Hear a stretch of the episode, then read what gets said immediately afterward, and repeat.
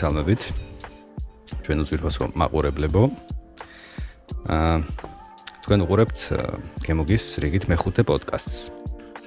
მე მირიანი ვარ, ეს თემაა ჩვენ მყოფებით კაფეში, მზიური. ძალიან საინტერესო და ლამაზი ადგილია. შეგიძლიათ მოხვიდეთ, დაისვენოთ, ციგნი წაიკითხოთ, გემრიელი კერძები მიირთვათ და ჩაიდალიოთ და რა ვიცი, რაც გინდათ ისაკეთოთ. მოკლედ, რაც ზომიერების ფარგლებში ჩაჯდება, რა თქმა უნდა. მაშასე. ჩვენ დღევანდელი გადაცემა ისევე როგორც სხვა გადაცემები შეეხება ძირითადად Apple-ის ირგვლივ არსებულ თემებს. თემო. დღეს რა რა თემები გვაქვს? მაგრამ სანამ თემებზე დავიწყებ ლაპარაკს, ჩვენი სპონსორია On of G. ეი აი, არა ხიტარი. ცა. შევხედო რას ვაკეთებ. აი, აი. ჩანს. ჩანს, ჩანს. მადლობა G-ს. ასევე მადლობა ანას. და მასპინძლობისთვის კი. თიწუთი. ოლ. გვაპატი. შემოგეჭერით. ესე იგი დღეს ეს თი ციგრე შემოადგენლობით ვართ. ორნი. არა უშავს.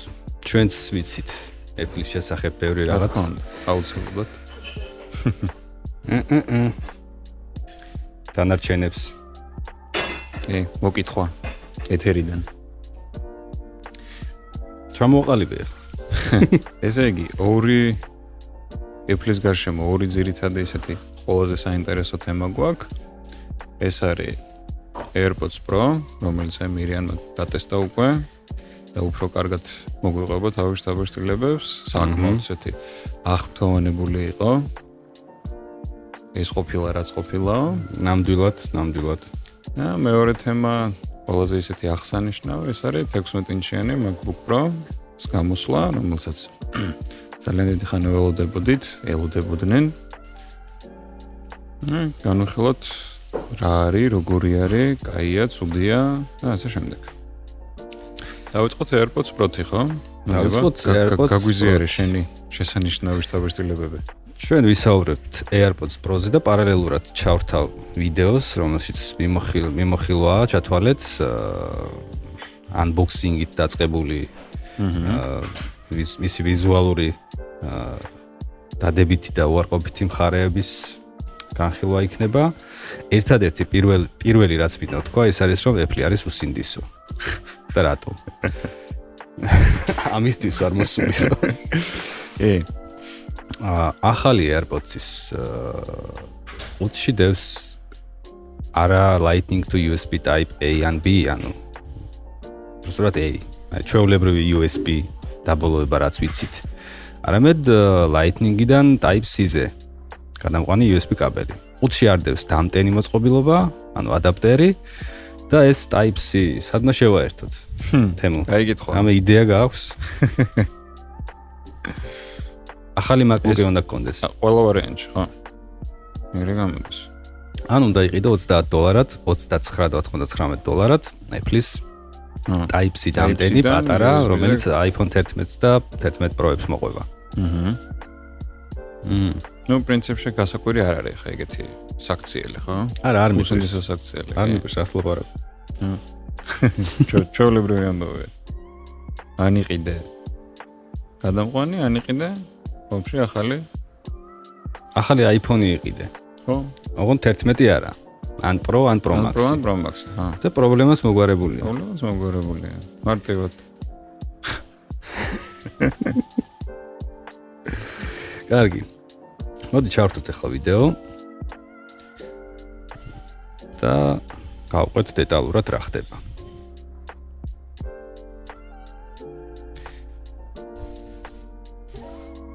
ხუთი ისეთი არის. სტანდარტული მშვენიერი. Apple-ური შეფუთვის, კი ბატონო. ხო, რაც თავარია. არა, ეს პირველი, ეს მეორე თაობის აა, ეს მეორე თაობის არის. აი, ამაში ეს აი, მოვიდა. ეს ახალი AirPods ჩვენ მოგვაწოდა აი სტორმა. მადლობა ამ მაღაზიას. დიდი მადლობა.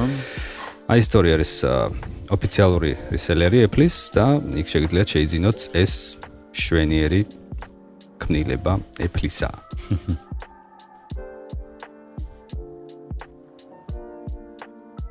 ცოტა გადავახვიოთ ხოლმე. ну, ყუთი ჩვეულებრივი, ცოტა მაღალია წინასთან შედარებით. ო, დამტენიც ცოტა ცოტა დიდია, ხა? წინემთან შედარებით. კი, ყუთი кейსი, რამდენი кейსი ცოტა დიდია. ყუთი მაღალია, წარწერები სტანდარტულად. აჰა. ეხლა ჩავხდეთ რა ხდება ყუთში. აი, ეხლა რა ხდება ერთი დეტალი. აბა. ძალიან მნიშვნელოვანი. გვახსოვს ალბათ დაუბრუნდეთ კამერაში. გვახსოვს ალბათ YouTube-ზე შეგხვედრია ვიდეოები, სადაც აა აღდგინებული მომხმარებელი მაღაზიიდან გამოსვლისთანავე ხსნის ყუთს, ჟურნალისტები თავს ახვევიან, იყო ეს მე მგონი აი რომელ iPhone-ზე იყო არ მახსოვს, მაგრამ გამორბის მაღაზიიდან ყუთს ხსნის და ტელეფონი უვარდება ძირს. აჰა. და უტყდება რა თქმა უნდა. არ ვიცი Apple ამ დროს რა შვება მედიაში გაშუქების შემთხვევაში, მედიაში გაშუქების შემდეგ რამემა გამოხმაურება მოყვა თუ არა და შეუცვალეს თუ არა iPhone-ი ამ ადამიანს არ ვიცი, მაგრამ ნუ იყო ეგეთი პრობლემა, ყუთს ხსნი, ანუ თავს აძრობ და ქვედა ნაწილი ვარდება პირდაპირ. AirPods Pro-ს შემთხვევაში ყუთს როცა ხსნი პირველად, მეორე და მესამე შემთხვევაზე უკვე სუსტდება და პირდაპირ ხსნება ხოლმე. აი კიდევ ერთხელ გადავახვევ და ნახავთ რა ხდება ამ დროს. შენ მიხვდით ემ? კი. აბა. აჰა. გავხსენით მეორე თავის iPhone, iPod-ი, აა, AirPods-ი და AirPods Pro ბოლოში ჩერდება. ჩერდება. ანუ გაძლევს დროს იმისთვის, რომ ოთის ქვედა ნაწილი ხელში დაიჭირო და არ დაგივარდეს. ანუ ვითომ მაგის გამო არის ეს მე ჭმაქვს, რომ ამის გამო. გამოვიდათ. უთი თვითონ. სპეციალურად გაკეთებული მქონია. Apple ეგეთ რაღაცებს ყურადღებას აქცევს. შეიძლება კი. კარგი, ნახოთ ახლა რა ხდება მეორე თავის AirPods-ის ყუთში. არის ინსტრუქციები სხვადასხვა ენაზე. როგორ მოვიხმაროთ, აა, გამოყენების. რა ფუნქციონალი გააჩნია. ჰმ, სტიკერი არ მოყვა. სტიკერი ძვირი ღირს. და სტანდარტული შეფუთვა, Lightning to USB. აჰა. ორჩა, ეგ არის. მ, დაუბრუნდებით მე ცოტა ხანში. მეორე თაობას და შევადარებთ ერთმანეთს. ახლა კი დრო დადგა. ნახოთ რა დევს AirPods Pro-s ყუთში. დადან. ამ ნაწილს გადავახვევ, იმიტომ რომ ისეთივე ინსტრუქციაა, როგორც წინა თაობაში, უბრალოდ დამატებით განსხვავება ის არის, რომ ძირითად ინსტრუქციის ფურცელში არის ახალი AirPods-ის მოხმარების ინსტრუქცია. და რა რა რა რა და რა ხდება? კიდევ ერთი დეტალი. ამ ყუთში როცა ვიღებთ case პირდაპირ ხდება მწვანე. მინი- მინიშნება რომ ეს უნდა ასწიო და ასე ამო ამოიღო ყუთიდან ზედა ნაწილი რომლის ქვეშაც მოთავსებულია დამატებით ორი ზომის დამატებით ორი ზომის სილიკონის საცავები. თუ ყურის საცობები თუ საცობები. რას ქვია. და თუ ის medium size ან საშუალო ზომის საცობები არ გაკმაყოფილებს, შეგიძლია შეცვალო ძალიან საინტერესო ხმა აქვს შესაძლოა ამ აა, საცობის მოძრობას. და ისიც lightning to type C კაბელი. ერთ მხარეს lightning-ი და მეორე მხარეს არც მეტი არც ნაკლები დამპალი type C.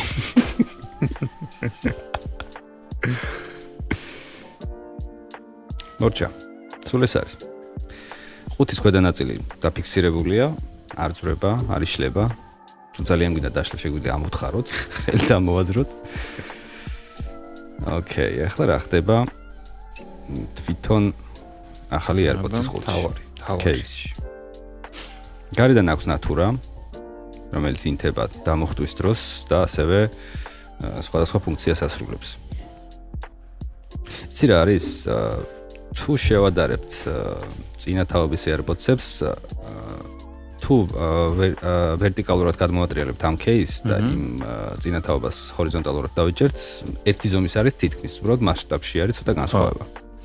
ну кейსის გადმოტრიალება დასჭირდათ იმისთვის რომ ამ ფორმის კურსასმენები ჩატეულიყო და პლუს ამას ამ ყუთში უკვე გვაქვს ორი აკუმულატორი, ორი ბატარეა რომელიც განთავსებულია მარჯვნივ მარცხნივ წინათაობაში ერთია.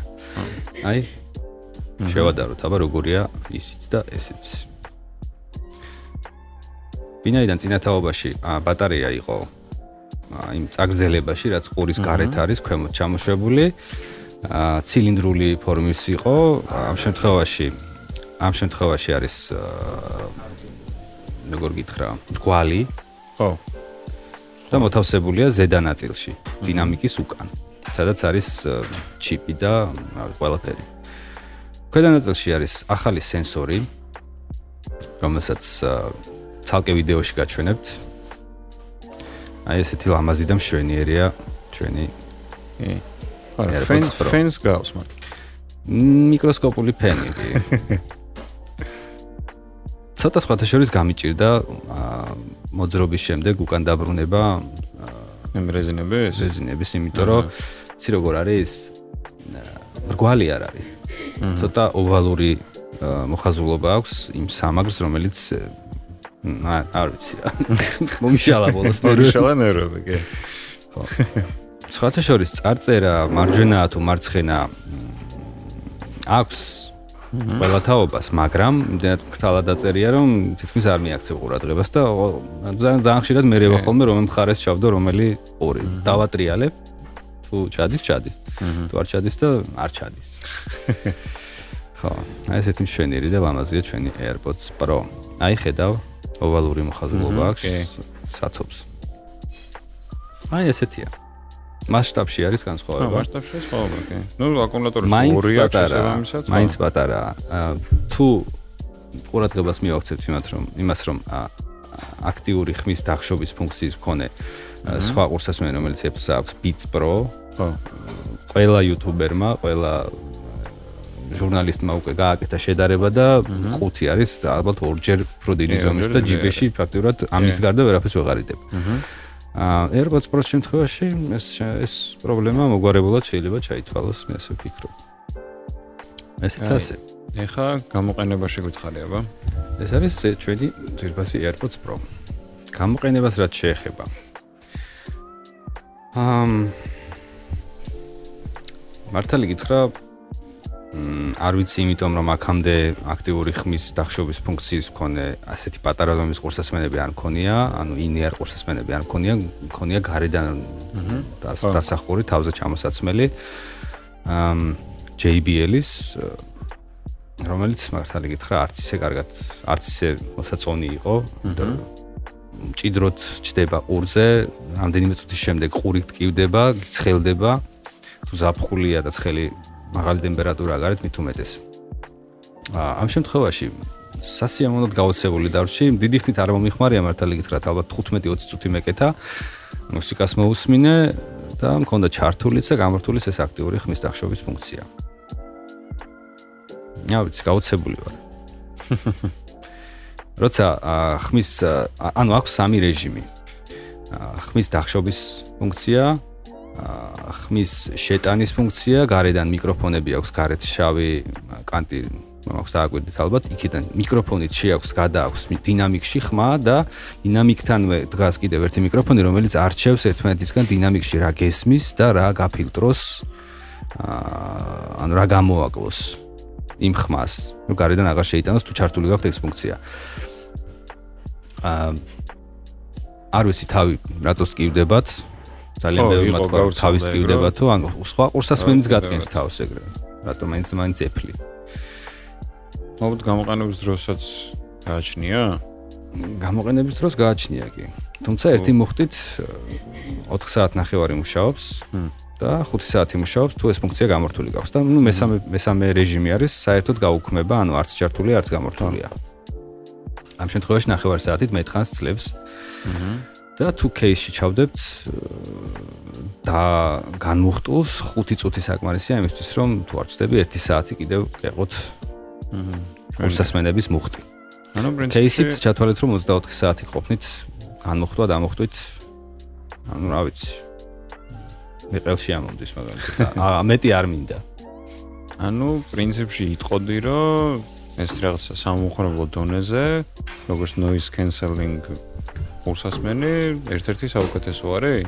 აა თუ საუკეთესო? არა.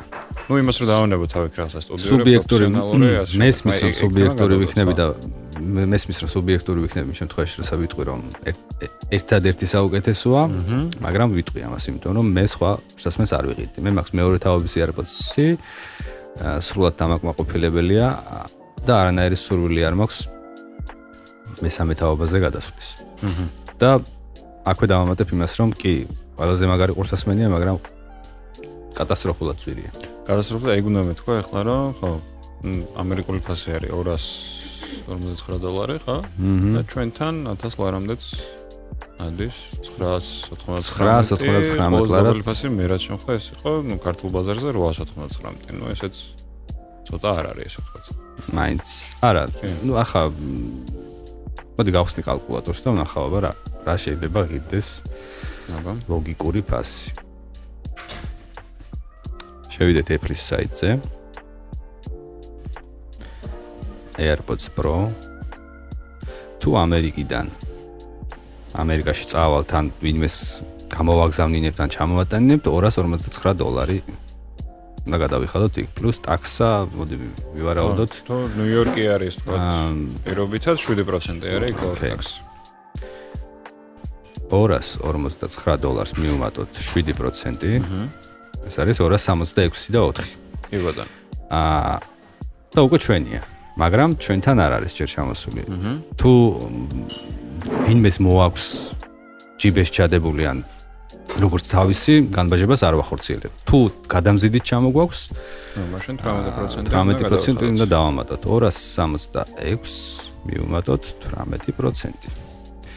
ეს უკვე 314 დოლარია. 314-ს მივუმატოთ კიდე გადაზიდვის მოდი იყოს 3 დოლარი.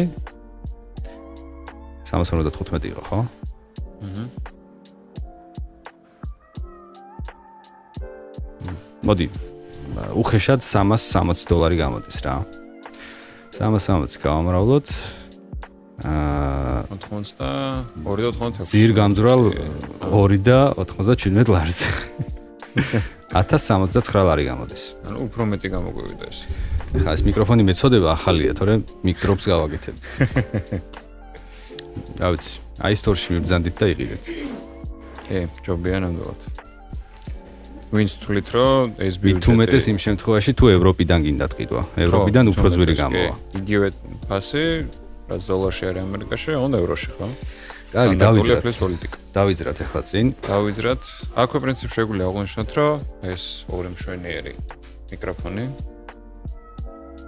და ეს ორი მშვენიერი განათება. კი, ან სიახლეა, სიახლეა, ახალი ხმა გვაქვს, ახალი განათება გვაქვს და კიდე საომალოდ კიდე უფრო შევეცდებით, რომ ხმის ხარისხი გამოსახულების ხარისხი, განათების ასე შემდეგ კიდე უფრო გავაუმჯობესოთ. არ ვიცი, ხმის ხარისხზე მე მგონი აღარ დაიწუწუნება.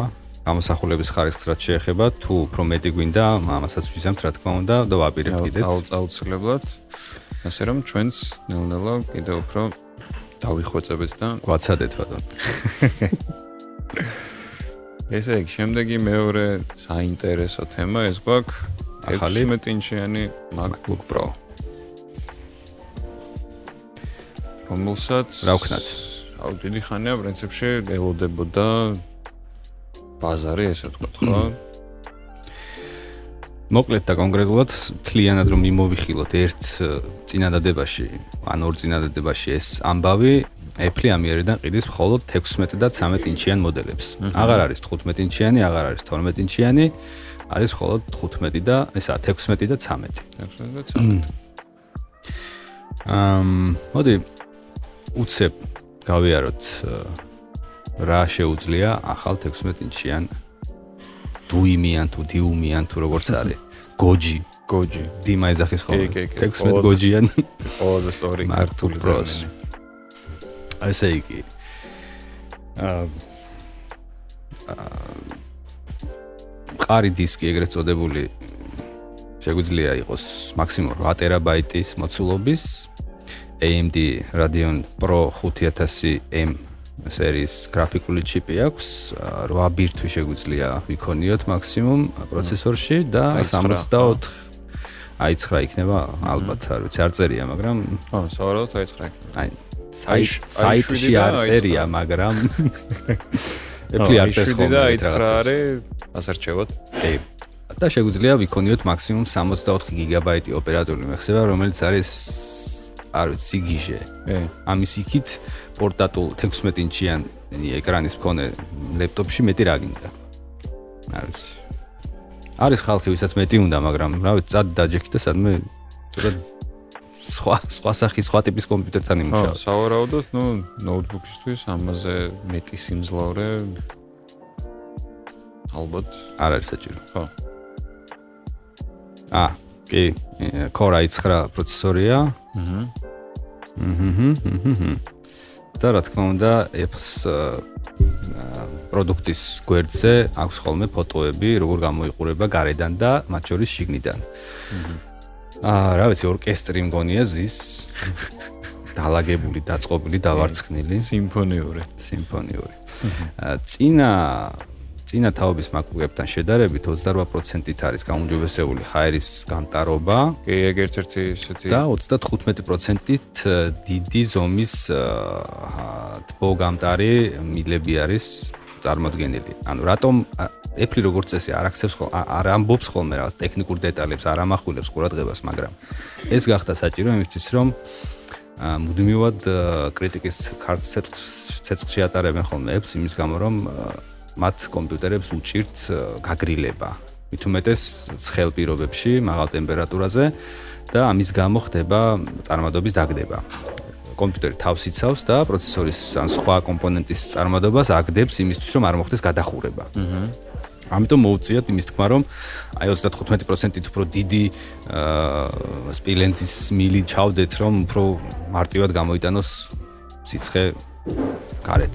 ეს შესაძლოა ეს წინათაობის უკვე პრინციპში წინათაობის ეს 15 გოჯიანი ნოუთბუქების შემთხვევაში უკვე როცა რაღაცა დატვირთვის რეჟიმი მაღალი არის, იწყებს უკვე ეს ვენტილატორი თუ როგორ არის ქართული ვენტილატორი. ვენტილატორი. ხო, საკმაოდ ჩქარა ტრიალს და ხმაც შესაბამისად აქვს ხო, ამას ბრუნავს. კი. თუმცა მაგას ამბობს ეფლი რომ ეხლა უკვე ამ 16 ინჩიანებში ეს პრობლემა ალბათ ნაკლებად იქნებაო. აა ვენტილატორი მაინც იბრუნებს. მაინც ექნება ხმა, მაგრამ რა ბოლო რამდენიმე წელია ეფლის ლეპტოპებში დევს ახალი ასინქრონული ფრთების მქონე ვენტილატორები, რომელიც არ ვიბრირებს, არ გამოსცემს დიდხმას, ხმას გამოსცემს მხოლოდ ის ჰაერის ჭავლი, რომელიც რომის გამოტანაც უწევს ამ ვენტილატორს კომპიუტერიდან გარეთ. ყველაზე მთავარი გარდა ეკრანისა. ну იქ ბირთვების რაოდენობა ჩვენი მეზობელი რომ ვერ ითვლის ხოლმე ეს ნაკლებად საინტერესოა კი წარმადობა მნიშვნელოვანია მაგრამ აქ სხვა რამეა მნიშვნელოვანი Apple-ის ესთეტიურობა ამ შემთხვევაში გამოიხატა ეკრანის კანტის შემცირებაში. ანუ ზომა სავარაუდოდ იგივე დარჩა, არ ვიცი ზუსტად არ ვიცი. ოდნავ დიდი არის მე როგორც ნახე შედარება და მაქსიმალურად შემცირდა კანტის სიდიდე ეკრანის კიდეებში. ეს სულ რამოდენიმე სანტიმეტრით არის სხვაობა корпуსებს შორის. შეიძლება ითქვას, რომ ალბათ უმნიშვნელოც კი. და ახალი კლავიატურა. გახსოვთ ალბათ ბოლო ბოლო რამდენიმე წელია 2017-დან თუ არ ვცდები, Apple-მა გამოუშვა ეგრეთ წოდებული butterfly კლავიატურიანი MacBook-ები და არ ვიცი, ყველა გაგიჟდა. ძალიან ბევრი მიმართვა იყო Apple-ის საპორტში ამ კლავიატურის წყობრიდან გამოსვლის თაობაზე. ან კლავიატურაში ჩადიოდა, მაგრამ ძალიან მარტივია რა. კლავიატურა იყო იმდენ დაბალი, რომ წვერი ჩადიოდა და კლავიშები წვეთდნენ მუშაობას. ან საერთოდ აღარ წერდა კლავიში, ან წერდა 2, ან 3 სიმბოლოს ერთდროულად ერთი დაჭერისას.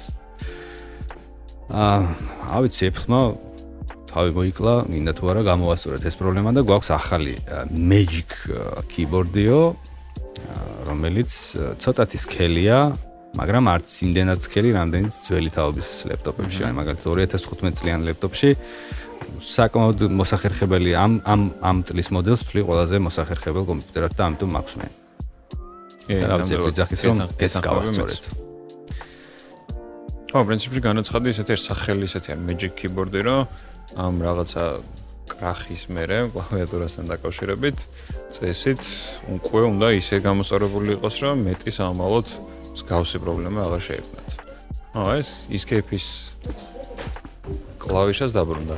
Escape დაბრუნდა touch bar-ის გასწრივ მარცხენა მხარეს Escape არ იყო ბოლო რამდენიმე მოდელში და ეს ძალიან შეაწუხა ამან MacBook-ის მომხმარებლები, იმიტომ რომ როცა Escape გჭირდება მიიტანე თიც და დააჭერ. ჩამქრალია, ანუ არან არანთია ეს ღილაკი. კონტექსტურ კონტექსტურად როცა გჭირდება, მაშინ არის ხოლმე.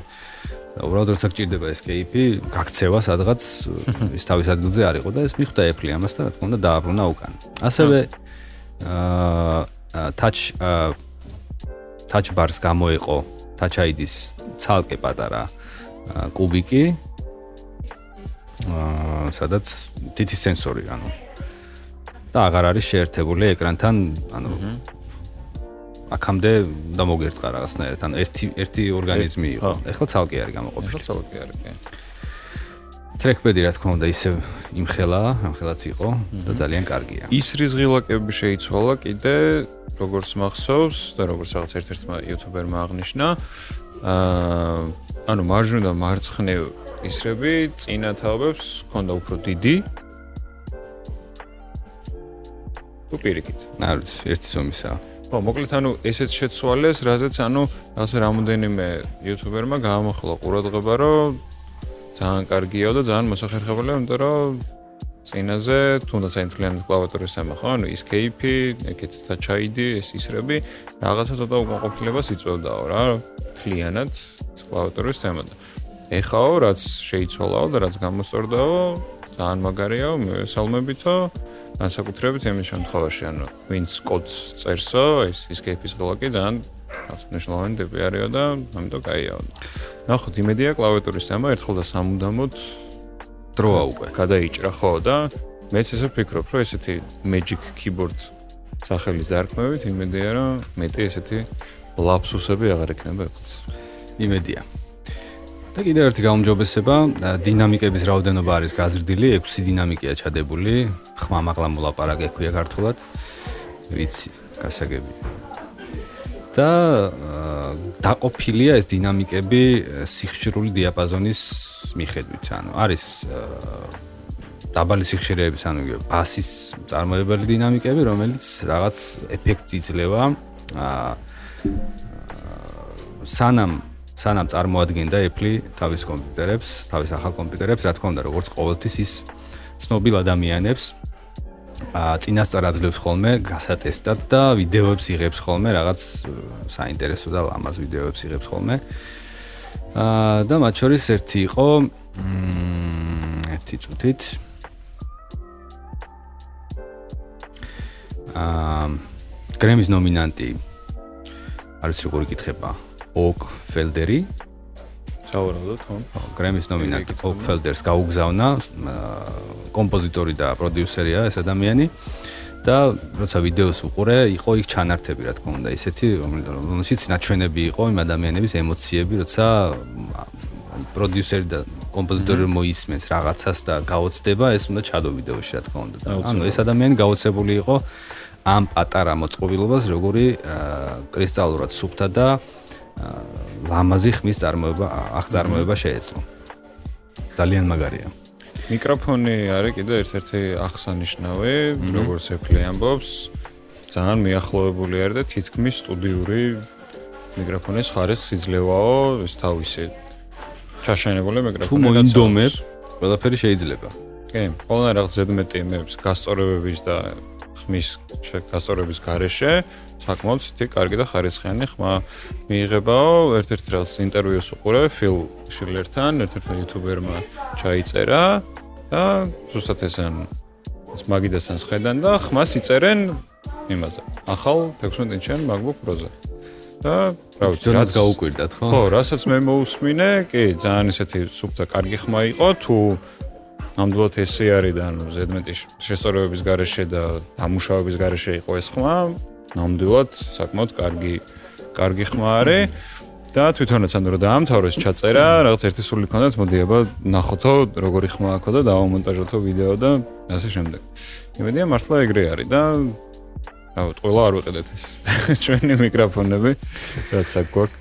ხო, MacBook-ების ყიდვას ვაპირებდით და მიკროფონები ვიყიდეთ. არ გვეგონა ეგეთი კარგი მიკროფონები თუ აღმოაჩნდებოდა ახალ MacBook-ებს. და კიდე ერთი სიგიჟე, ეს ჩვენი მაქსიმუმ 8 ტერაბაიტის მოცულობის შესაძლო მოცულობა საშუალებას მოგცემს ახალ MacBook-ებში წამში 3.2 გიგაბაიტი ჩავწეროთ ან წავიკითხოთ. რაც სიგიჟეს სტოლფასის სიჩქარეა ხო? არის ხდება ალბათ სხვა კომპიუტერებშიც ეს ჩაწერა წაკითხვის ეს სიჩქარე, მაგრამ ეს იქნება ალბათ გაისად. ბატარეას რაც შეეხება უბრალო მოხმარების ეს უკაბელო მიერთების wireless-ით web browsing-ი და ვიდეოს დაკვრის შემთხვევაში 11 საათი გაგვიძლებს და ეს არის 100 ვატის საათში ლითიუმ პოლიმერის ბატარეა. 4 ნაწილად დაყოფილი. Apple-მა ბოლო MacBook-ებში ჩადო ახალი T2 T2 უსაფრთხოების ჩიპი რომელიც ერთი იუტუბერის აზრით, რომელიც ნიუ-იორკში არ მახსოვს საათ კონკრეტულად, მაგრამ პატარა სახელოსნო აქვს და სულ Apple-ის კრიტიკით არის დაკავებული. აა თქვა რომ ეს ჩიპი ემსახურება არა იმას, რომ დაცული იყოს მომხმარებელი, არამედ იმას, რომ Apple-მა მეტი ფული იშოვოს. და ამაში არის გარკვეული ლოგიკა. ეს Apple-ის T2 ჩიპი კომპიუტერს იცავს არასანქცირებული შეკეთებისგან, ანუ მასში ვეღარ ჩა ვეღარ შეცვლი. Touch ID-ს, ვერ ჩააყენებ მესამე third party წარმოებლის კლავიატურას, ეკრანს, თუ არ იქნება Apple-ის მიერ სერტიფიცირებული. მესმის რომ კარგია ზრუნავს მომხმარებელზე Apple, მაგრამ მომხმარებელმა კეთილი ნებას და თვითონ გადაწყვიტოს რა უნდა. ეგეც მართალია შემოგთავაზოს და ჩვენ გადავწყვეტ. თუმცა თქო Apple-ს მეგონი Apple-ს მეგონი ისეთი პოლიტიკა აქვს, რომ რაღაცა თვითონ უფრო გირჩევს, რომ იცი რა, მოდი ესე ჯობია და საერთო ჯამში რო უკმაყოფილო არ დარჩე, მოდი შეეშვი ასას ერთ პარტი კლავიატურა იქნება, ეს იქნება თუ ეს იქნება, რომ მე ისევ შენ თვითონ არ დარჩე უკმაყოფილო. ალბათ ესე გავამართლებდი ამ ნაბიჯს. მე აი უცებ გავიაროთ ახლა. ასევე ახალი Thunderbolt 3 პორტებს შეუძლია. 40 გიგაბიტი გიგაბიტი ინფორმაციის გატარება. ძალიან მაგარია. ანუ შეგვიძლია შევაერთოთ ან უბრალოდ ანუ კი არა ან შეგვიძლია შევაერთოთ 2 6K ეკრანი გარედან. დამატებით და ვამონტაჟოთ და ვამონტაჟოთ. ან ვუყუროთ 6K-ში ორ ეკრანზე ვიდეოს ფილმებს. თუ გაქვთ წინათაობის გასული წლის ალბათ MacBook-ი შეგიძლიათ ტრეიდინით Apple-ის სერვის ცენტრებში ან მაღაზიებში ოფიციალურში რა თქმა უნდა ტრეიდინი გააკეთოთ და მაქსიმუმ Apple გადაგიხდით 2530 დოლარს და გამოიტანთ ახალ MacBook-ს დაამატეთ რა თქმა უნდა სხვაობას. ჩვენთან თუ იქნება ეგ საინტერესოა ჩვენთან არ იქნება. ო წინაზე ვისაუბრეთ ამ ტრეიდინ თემებზე და როგორც აღმოჩნდა რომ იდეაში უფრო ესეთი მარკეტინგული პრომო აქცია უფრო არის ვიდრე რეალური ტრეიდინგი. მოკლედ ახალი 16 ინჩიანი MacBook Pro-ს ფასი იწყება 2399 დოლარიდან 13 ინჩიანს იყიდით 1299 დოლარად. ო, რეალურად 16-იანმა ჩაანაცვლა 15-იანი, ფასი იგივე დარჩა და 15-იანები საერთოდ ამოიღეს წარმოებიდან, ხო? ხო 16-იანს რა 16-იანზე ვიტყვი იტყვიან ესე რა 16-იან ჩემი არ არ ჩამიდესო აა მოკლედ პრინციპში საკმაოდ კარგი ნაბიჯი არის Apple-ის ხრიდან უფრო ესეთი ნამდვილად პრო რასაც ქვია ესეთი ტიპის ნოუთბუქის არსებობისკენ რომელსაც ნუ ძირითადად უფრო ვიდეო მონტაჟი ესეთი უფრო რთული სამუშაოებისთვის მისწრება იქნება ესეთი ადამიანებისთვის ეს 16 ინჩიანი MacBook Pro. მმ. პრინციპში როცა ხელმისაწვდომი იქნება უკვე ჩვენთან ჩვენ მაღაზიებში, სავარაუდოდ და დიდი იმედი გვაქვს, რომ გვექნება ჩვენს ლაბორატორიაში unboxing-ს გავაკეთებთ, ტესტირებას ჩაუტარებთ, ხელს დავადებთ. კი, ხელსაც დავადებთ, კი, პირველ დონეზე და უფრო ესეთ დეტალურ და კარგ განხილვას შემოგთავაზებთ შემდეგ, აი როგორც AirPods Pro-ზე ვისაუბრეთ, იგივენაირად განხილავს 16 ინჩიან MacBook Pro-საც. ესეც ასე. კიდევ ერთი ამბავი iPad-ი არ განაახლეს ერთი წლის თავზე. ხო, iPad-ი არ განახსოვ. ველოდებოდით. ანუ ყველაზე ის ის ჭორების გამორცელებელი რო არის ჩინელი Ming. რაღაც ბოლო დროს გვატყუებს ხოლმე. ხო, რაღაცებს გვატყუებს, როგორც აღმოჩნდა. ხო, ანუ მაგის ამ ადამიანის ინფორმაციით 2020-ის გაზაფხული როგორც iPad Pro-ს განახლება, იგივე ეს double budget-იანი iPhone SE ეგრეთ წოდებული. კი, დიდი ხანია ამ double budget-იანი iPhone SE-ის ველოდებით. არ არ არის აუცილებელი double budget-იანი დავარქოთ ტელეფონს, რომელიც 500 დოლარი და მეტი ღირს. აჰა. აა თუმცა მან თავარი ის არის, რომ ველოდებით ამ ამ ძველი ზომის, პატარა ზომის ტელეფონის თლიანი ეკრანით. აი როგორც iPhone 10-ს აქვს თლიანი ეკრანი, დარჩეს ზემოთ იქ რაღაც კონსოლი, მაგრამ ძალიან ელოდებიან ამ ტელეფონს. Apple მე იქითხებენ. თუმცა არის რაღაცა ისე ჭორები, რომ არ იქნება ესეთი მთლიანი ეკრანი, ჩვეულებრივი ის ეკრანი იქნება, როგორც არის. აი ეს 4.7 ინჩიანებზე როგორც არის, ეგეთი ეკრანი იქნება, უბრალოდ hardware იქნება უფრო განახლებული და ხო, iPhone 8 როგორც დაკოვა წარმოებაში, ისე გააკეთებს, გააგზავნებს. აი და დაახლოებით ეგეთი ვარიანტი. სავარაუდო ფასიო ამერიკული 399 დოლარია. ხო, double budget-იან მაგიტო აღნიშნე. ეგრე იყო, მე მგონი, ეს პირველი iPhone SE SE რო გამოვიდა, მაგის ფასი თუ გახსოვს? არ გახსოვს. ნუ თორსტები ეგრე იყო, და მაგ პერიოდში iPhone 10 იყო გამოსული? არა. არ იყო, ხო, ანუ 4 და 7-იანი და 5-5-იანი იყო 7 ორი მოდელი, 650 დოლარი იყო საწყისი ფასი. ხო, ანუ 999-ზე არ იყო და თუ როგორც სწორად მახსოვს 399 იყო S-ის ფასი და 6 S-ის შიგნეულობით. აი, დაახლოებით იგივეს ველოდებით. თუმცა ხო, ანუ კარგი იქნება თუ მთლიანი ეკრანი იქნება, ერთ-ერთი შეიძლება მეც ვიყო, ვინც შეიძენს. კი, კი, ძალიან ბევრი ელოდება ტელეფონს, კი. სხვა რა ხდება Apple-ის ირგვლივ? არაფერი ესეთი. პრინციპში მეტი რა გვინდა? ო, ზერითად სიახლეები ეს იყო. აჰა. მარტისთვის გადაფხოლისთვის ველოდებით სხვა განახლებებს. ნახოთ, იმედია არ გაგვიცრუდება იმედები. ხო. აა ახალი AirPods Pro-ს თუ გამოიწერთ Apple-ის საიტიდან, უფასო გრავირებას თავაზობს Apple. ჰმ. რაც შორის ერთ-ერთ ვიდეოში რა იყო Sony-ს რაღაცა წარწერა ამ ყუთზე. ხო. აი ეს ჩვენი ზანგი კოლეგა რო არის გრავირება MKBHD MKBHD მარკუს ბრაუნი მაგას კონდა სურათი რაც ედოთ ვიდეოში სონის წარწერა კონდა აჰა რატო იყო და რისთვის იყო მართლა გითხრა არ მახსოვს თუმცა რაღაცა იყო მაგრამ რაღაც ინტრიგა იყო მან ჩადებული ინტრიგა იყო კი კარგი დავამთავრეთ MacBook Pro-ზე ლაპარაკი iPad-იც ცოტა ხო, ვღუნეთ. ხო, ვაცალოთ. ვაცალოთ. რა დაგჭა? რა დაგჭა? არც არაფერი. დღეს ცოტანი ვართ, დაგვინდეთ. ესეც ბევრია, რაც ვილაპარაკეთ, ძვირფასო მაყურებლებო. საათ დავდოეს ტელეფონი. არმინ, გადავა. ამხელა ტელეფონი არ გეტევა, მოხდა. მოკლედ სულ ეს იყო დღეისათვის. დავასრულოთ. მადლობა გადავხადოთ ჩვენ მასპინძელს. ჩვენ ვართ გემუგი, თემო, მირიანი, ეს არის მზიურის კაფე. აჰა. ძალიან გემრიელი ჩაი აქვს.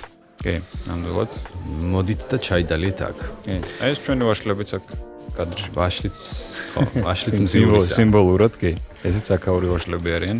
ხო ჩვენი სპონსორია on of g. თუ გინდათ შეადაროთ რა ვიცი რამე.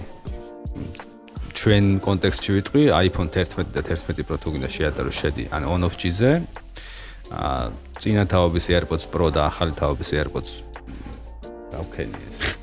ახალი AirPods Pro-ზე ინფორმაციამ გაჟონა. აა წინა AirPods და ახალი AirPods Pro თუ გინდათ შეადაროთ, შედით on off G-ზე.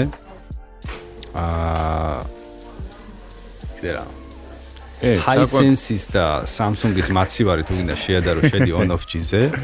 ე.